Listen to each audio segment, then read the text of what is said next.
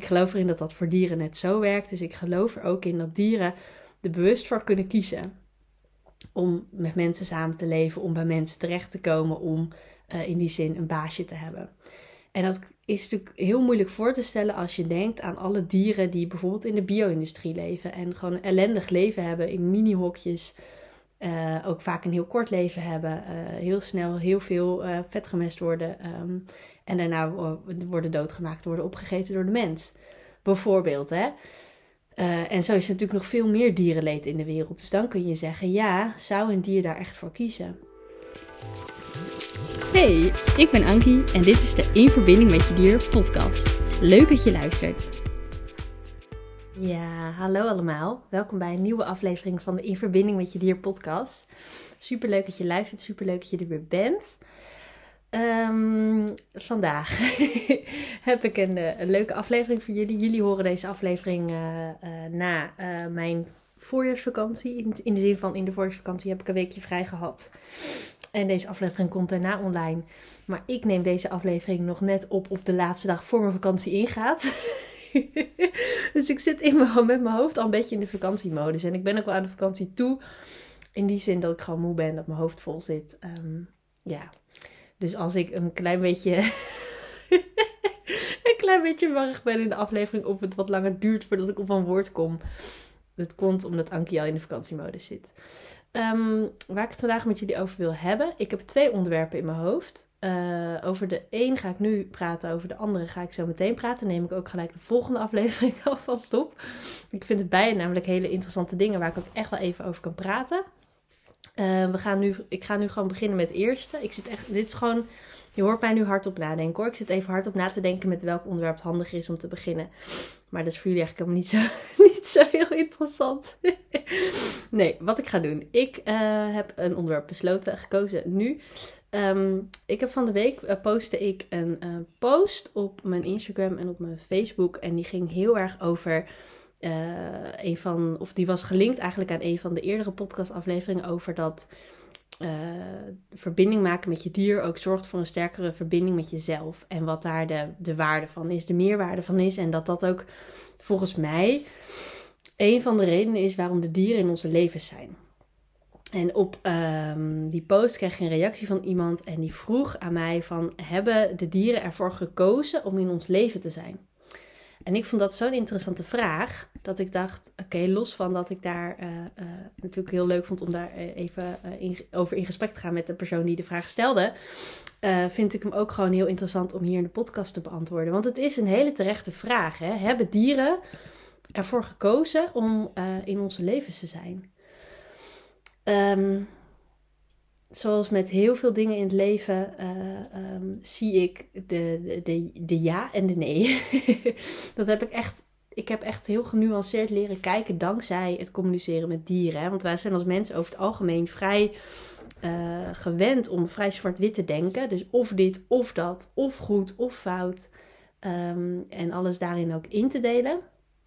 Dat zorgt er ook voor dat wij de complexe wereld om ons heen, waarin veel gebeurt, veel prikkels zijn, veel veranderingen zijn. Hè? We leven in een hele dynamische wereld. Uh, daar gebeurt gewoon heel veel. Dus dat zwart-wit denken, dat helpt ons heel erg om um, de wereld te, kunnen begrijpen. Om het te kunnen bevatten. Om, om voor je gevoel toch een stukje controle uit te kunnen oefenen. Ik denk niet dat we echt controle hebben. Maar soms is het wel heel fijn om het gevoel te hebben dat je controle hebt. Um, dus dat zwart-wit denken... ja, dat is iets wat, wat als, ons als mensen heel erg dient, maar wat dus soms ook wel weer als een nadeel kan werken, wat er ook voor zorgt dat we snel ons oordeel klaar hebben, bijvoorbeeld. Dus hebben dieren ervoor gekozen om in onze levens te zijn? Er zullen mensen zeggen, ja, dat is zo. Er zullen mensen zeggen, nee, dat is niet zo. Ik zie beide kanten. En dat komt dus heel erg dankzij het communiceren met dieren heb ik dat heel erg geleerd. Want ik heb heel erg geleerd dat wat voor de een werkt, niet voor de ander hoeft te werken. Er zijn heel vaak mensen, of heel vaak, regelmatig zijn er mensen die aan mij vragen. Wat is nou goed? Wat vinden, wat vinden, wat vinden die, de dieren nou? Wat vinden, ze, wat vinden ze nou bijvoorbeeld van uh, um, honden uh, rauw vlees voeren of brokken voeren? Of, en dat is een interessante beweging, er is ook een, groep mensen die hun uh, honden plantaardig voert, veganistisch voert. Uh, en daarin zijn de meningen heel erg verdeeld. En ook als je kijkt, ook op internet worden daar hele, hele felle discussies over gevoerd. Terwijl ik daar dan naar kijk en dat lees en dat meekrijg en denk, want dat komt een beetje omdat ik me nu, ik heb Maya nu een maand, nu ik deze podcast opneem, en ik ben me gewoon in hondenvoeding aan het verdiepen en aan het kijken wat het beste bij haar past. En als ik dan die discussies meekijk, meelees, dan kan ik alleen maar denken: jongens, er is niet één oplossing. Want wat voor de ene hond werkt, hoeft niet voor de andere hond te werken. Elke hond zit weer anders in elkaar. Elke hond heeft weer een andere behoefte. de een beweegt ook meer dan de ander. De een is ouder of jonger dan de ander. Dus ze hebben allemaal andere voedingsbehoeften. Uh, maar dat geldt ook bijvoorbeeld met paarden. Hè? Wel of geen deken op, wel of geen hoefijzers, wel of geen bit. Um, ja, en zo kun je nog van alles doen. Ook met katten. Uh, hè? Dan laat je je kat lekker veel buiten lopen of hou je je kat juist binnen. Um, ja, eh, wil je, wil, is, moet een kat samen met andere katten of moet een kat juist alleen? Ook daarin verschilt heel erg per katten. Want ik kreeg laatst een vraag van iemand die zei: Hey Anke, jij hebt een kat alleen. Is dat niet heel zielig? Is jouw kat dan niet heel eenzaam? Want ik heb altijd geleerd dat katten met meerdere moeten. Met meerdere moeten. En toen, toen zei ik ook, nou, dat is een hele, hele goede vraag, hele terechte vraag. Uh, bij mijn kat is het specifiek dat zij echt de voorkeur geeft om uh, de voorkeur eraan geeft om de enige kat te zijn. Ik heb haar um, even denken ik heb er dit jaar twee jaar. Ja, dus ik heb er zeg maar, nou, nog geen twee jaar. Maar ik heb er nou, bijna twee jaar geleden uit asiel gehaald. Um, of tenminste, ik heb er niet eens uit asiel gehaald. Het klinkt alsof, ze er, alsof ik er echt heb gered of. Dat valt wel mee. Zij was net asiel gebracht omdat haar vorige baasje niet meer voor haar kon zorgen. En ze is toen bij mij komen wonen. Ik heb het aan haar gevraagd of ze dat wou. Dat vond ze goed. Uh, en uh, tot op de dag van vandaag zijn we er allebei heel blij mee. Dus het is een hele goede match geweest.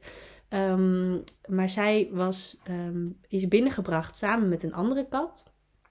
Uh, waar ze mee samenwoonde. Maar zij en die andere kat hadden altijd, eigenlijk altijd ruzie. Dus uh, zij, zij, zowel de mensen van het asiel, de medewerkers van het asiel, als, als mijn kat zelf zeiden van ze kan beter als enige kat ergens leven. En dat heeft dus ook de voorkeur van mijn kat. Maar er zijn ook katten die juist wel heel graag met andere katten willen leven. En er zijn ook katten die wel met andere katten willen leven, maar dan met specifieke katten. Hè, die niet alle katten leuk vinden, maar dan uh, uh, specifiek hun maatje zelf willen kiezen, bijvoorbeeld. Dus ja, je kunt nooit zeggen het een is goed en het ander is fout. Want wat voor de een goed is, uh, kan voor de ander fout zijn. Maar wat voor de ander fout is, kan voor de ander weer goed zijn. En nou ja, goed, je snapt mijn punt. het is niet een heel duidelijk verhaal wat ik.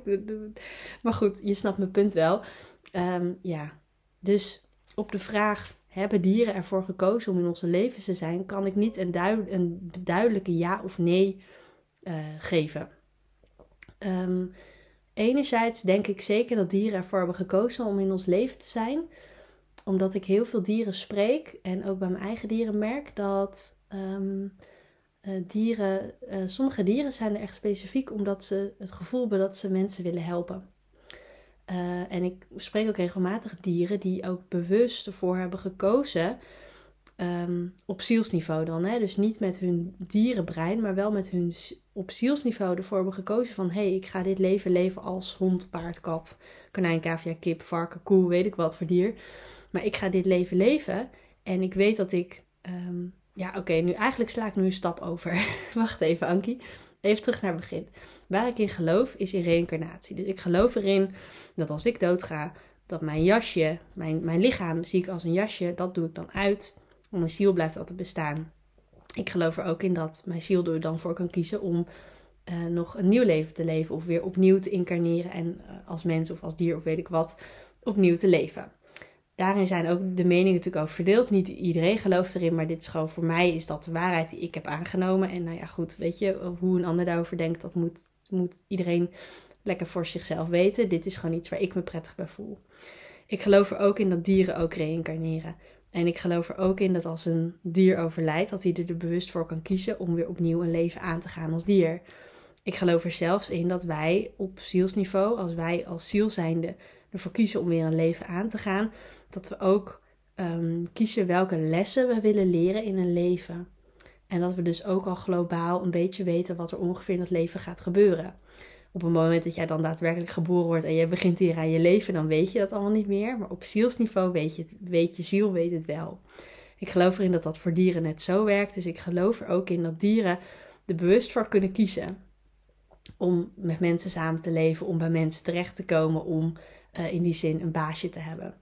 En dat is natuurlijk heel moeilijk voor te stellen als je denkt aan alle dieren die bijvoorbeeld in de bio-industrie leven en gewoon ellendig leven hebben in mini-hokjes. Uh, ook vaak een heel kort leven hebben, uh, heel snel heel veel uh, vet gemest worden um, en daarna worden doodgemaakt, worden opgegeten door de mens. Bijvoorbeeld, hè. en zo is natuurlijk nog veel meer dierenleed in de wereld. Dus dan kun je zeggen, ja, zou een dier daar echt voor kiezen? En daarin zie ik dus ook de nee-kant. Want dan zou ik, zou ik al eerder geneigd zijn om te denken: nee, daar kan een dier niet voor kiezen. Want hoe kun je daarna voor kiezen? Dat is toch bizar. Um, maar tegelijkertijd denk ik dat een ziel, hoe gek het ook klinkt en hoe het is voor ons niet te bevatten, maar ik denk dat zielen er zeker wel voor kunnen kiezen om een leven te leven waarin ze dus heel veel leed en heel veel narigheid en heel veel pijn en heel veel uh, ellendige dingen meemaken om daar als ziel van te groeien. Dus dan is dat leven op dat moment heel erg naar. En dan is dat dier op dat moment heel erg bang. En dan is dat dier op dat moment uh, aan het overleven. Maar op zielsniveau um, heeft die ziel dan blijkbaar wel die ervaringen nodig om dat te kunnen leren. En het klinkt, als je hier naar luistert met je, met je, met je mensenbrein, gewoon met je verstand, dan denk je echt, Ankie, waar heb je dit over? Maar als je hier naar luistert met je ziel, dan voel je wel of het voor jou klopt of niet. En voor mij, ja, dit is gewoon iets.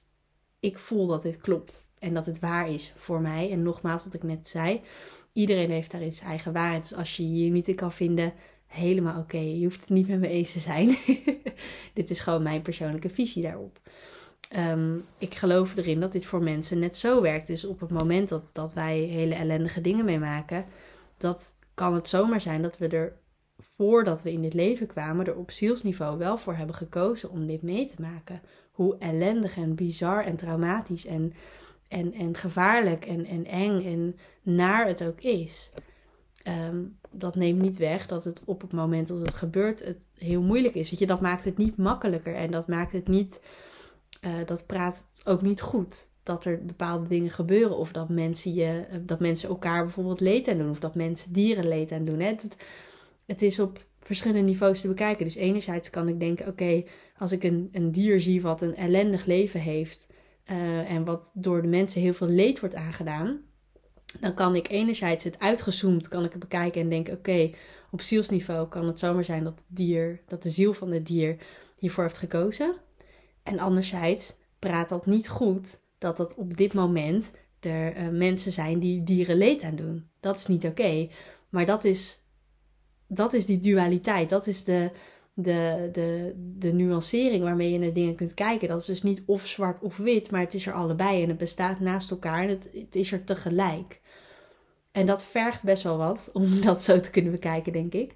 Maar um, ja, op een of andere manier, voor mijn gevoel, klopt dat dus wel. Maar goed, nogmaals, dat is heel persoonlijk. Dat is mijn visie daarop. En dat is. Um, um, ja, weet je, daarin kunnen andere mensen er weer heel anders over denken. En dat is ook oké, dat mag. Dus ja, ik denk dat dieren er zeker voor hebben gekozen om in onze levens te zijn. Neem niet weg dat het niet altijd makkelijk is voor dieren. Dat wij als mensheid dieren best wel heel erg veel leed aan kunnen doen. Soms bewust, maar ook heel vaak onwetend. Ik zie ook heel vaak dingen gebeuren. Um, puur uit onwetendheid. Ik heb een keertje gehad dat ik, ik heb uh, uh, in mijn puberteit heb ik als vrijwilliger bij een caviaopvang gewerkt. En daar kwamen regelmatig, werden daar cavia's opgevangen die echt er echt heel slecht aan toe waren. En ik heb daar de meest vers nou, verschrikkelijk, ja, nou ja, toch wel, ja, het waren wel erge dingen. verschrikkelijk klinkt dan heel, heel dramatisch. En het was lang niet altijd zo dramatisch hoor, want sommige cavia's die werden door mensen afgestaan omdat mensen er gewoon niet voor konden zorgen. En die hadden een heel mooi leven gehad tot dan toe. Um, tot ze bij de KV-opvang kwamen. En bij de KV-opvang nog steeds een mooi leven. En daarna, vanuit die KV-opvang, werden, werden dan weer nieuwe baasjes voor die KV's gezocht. En kregen we leven eigenlijk een soort van tweede hoofdstuk. Maar was nog steeds een heel mooi leven. Um, dus die KV's hadden een prima leven. Maar we kregen ook van die groepen KV's binnen. Die dan gewoon ergens in een schuurtje hadden gezeten. Uh, waarbij alle mannetjes en vrouwtjes door elkaar liepen. Dus ja, cavia's planten zich heel snel voort. Dus dan was het een groep van tien cavia's. Werd na een jaar waren dat er misschien al wel honderd. Ik weet niet precies hoe snel cavia's zich voortplanten, maar wel snel. Um, waarbij al die cavia's dan ook ziek en gehandicapt waren. Omdat er allemaal inteelt was en allemaal incest was. En nou, heel verschrikkelijk. Maar ook gewoon, die cavia's waren dan gewoon helemaal kaal en mager. En, en echt gewoon onder de wonden, onder de plekken. Echt nare dingen. Hoe kom ik hier eigenlijk op? ik zit zo in het verhaal. ik even niet meer weten waarom ik dit ging vertellen. Nou ja, dus, nou ja, wat ik dus zeg, op dat moment zie je dus wel dat dierenleed. Um, en dan praat het echt zeker niet goed. Ook al kan ik uitgezoomd bedenken dat die zielen van die cavia's misschien voor deze ervaring hadden gekozen. Dan nog um, praat dat dierenleed wat wij mensen uh, dieren aan niet goed. Ook weet alweer waar, hoe ik hierop kwam.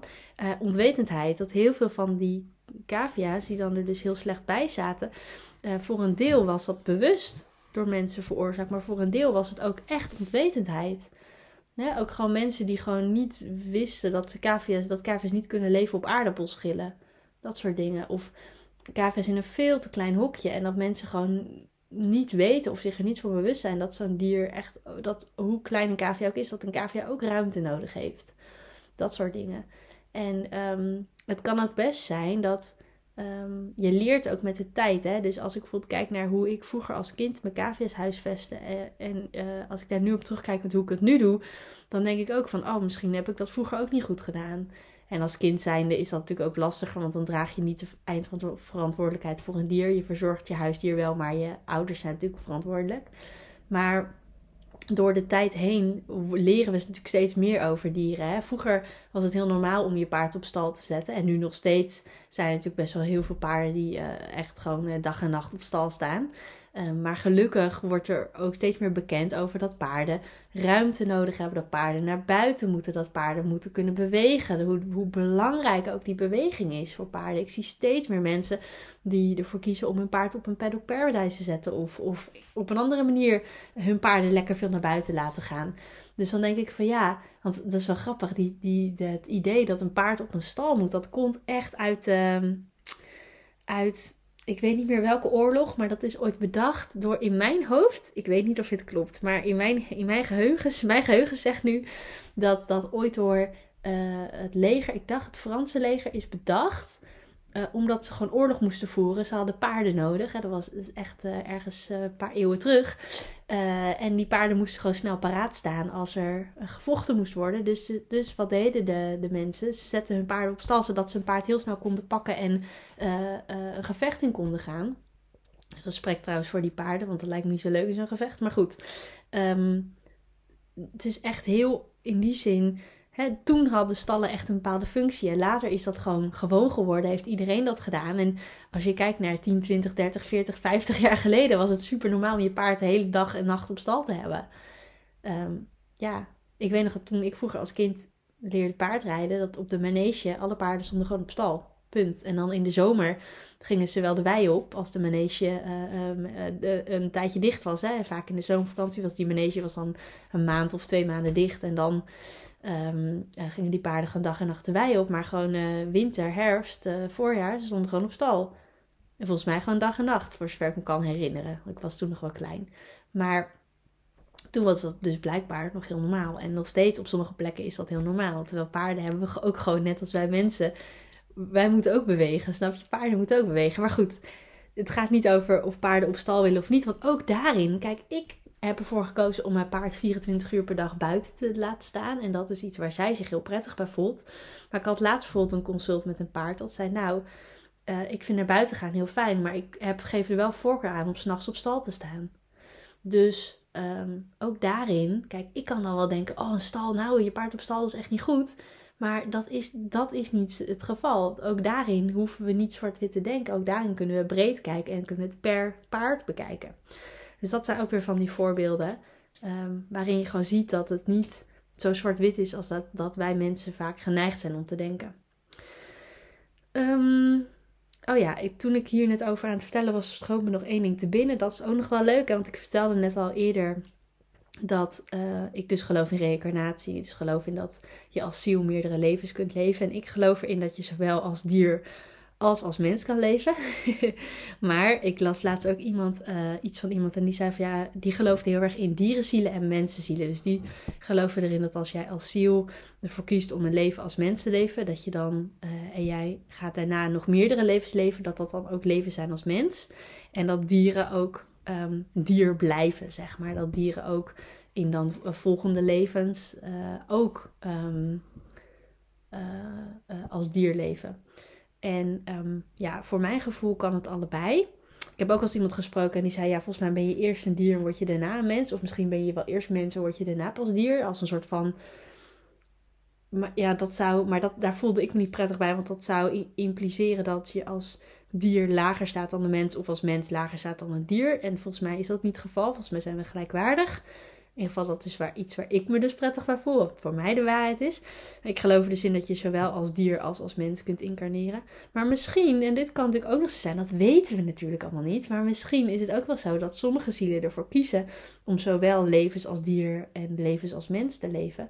Maar dat er ook zielen zijn die ervoor kiezen om alleen als dier, dieren te leven of alleen als mens te leven. Dus ook daarin, ja, je weet het natuurlijk niet. Ik denk dat, er, dat je dat ook nooit echt met zekerheid kan zeggen. Um, ik denk ook dat op het moment dat je overlijdt, uh, dat je dan, uh, hè, dan doe je je jasje uit en je ziel blijft bestaan. Ik geloof wel dat er zoiets is als een soort van hemel. Ik geloof niet in uh, een god zoals dat in heel veel religies wordt, wordt um, neergezet. Maar ik geloof wel in dat er een soort van hemel is, een soort van bewustzijn is waar je ziel dan naartoe gaat. En dat het niet een fysieke plek is, maar meer een, ja, een, een, een, een bewustzijn. Ja, dat klinkt ook weer heel vaag, maar misschien voel je wel of het klopt voor jou of niet. Uh, of jij je er goed bij voelt of niet. Of het voor jou de waarheid is of niet. Of dat jouw waarheid heel anders in elkaar zit. Dat is ook helemaal oké. Dat mag ook. Um, maar op het moment dat we overlijden, ik denk dat we dan weer zien hoe het echt in elkaar zit. En dat je dat als mens of als dier in dit leven dat niet ziet, omdat je gewoon even vergeet wat je ziel allemaal heeft um, gekozen als lessen. Dus dat zijn natuurlijk wel hele interessante dingen om, om over na te denken. Dus nou ja, zo zie je maar weer dat zo'n vraag als hebben dieren ervoor gekozen om in onze levens te zijn, dat dat weer heel veel stof tot nadenken geeft. dus ik vond het een hele mooie vraag. En um, ja, ik denk dat ik alles erover heb gezegd wat ik over wil zeggen. Uh, ik hoop dat je het interessant vond. Ik hoop dat het jou ook weer aan het denken zet. En mocht je hier nou nog op willen reageren, of mocht je hier nou nog um, iets over kwijt willen, stuur me gerust een berichtje. Je vindt de gegevens op mijn website, dierencoachankie.nl. En um, ja, voor nu, dankjewel voor het luisteren. Uh, ik ga uh, lekker genieten van mijn vakantie en ik spreek jullie um, snel weer. Ja. Tot de volgende keer. Fijne dag allemaal. Leuk dat je hebt geluisterd naar de In Verbinding met Je Dier podcast. Vond je nou interessant? Deel hem dan vooral met anderen en laat mij weten wat je ervan vond. Wil je nou meer inspiratie en tips ontvangen? Volg me dan ook op Instagram, dierencoachankie. Tot de volgende!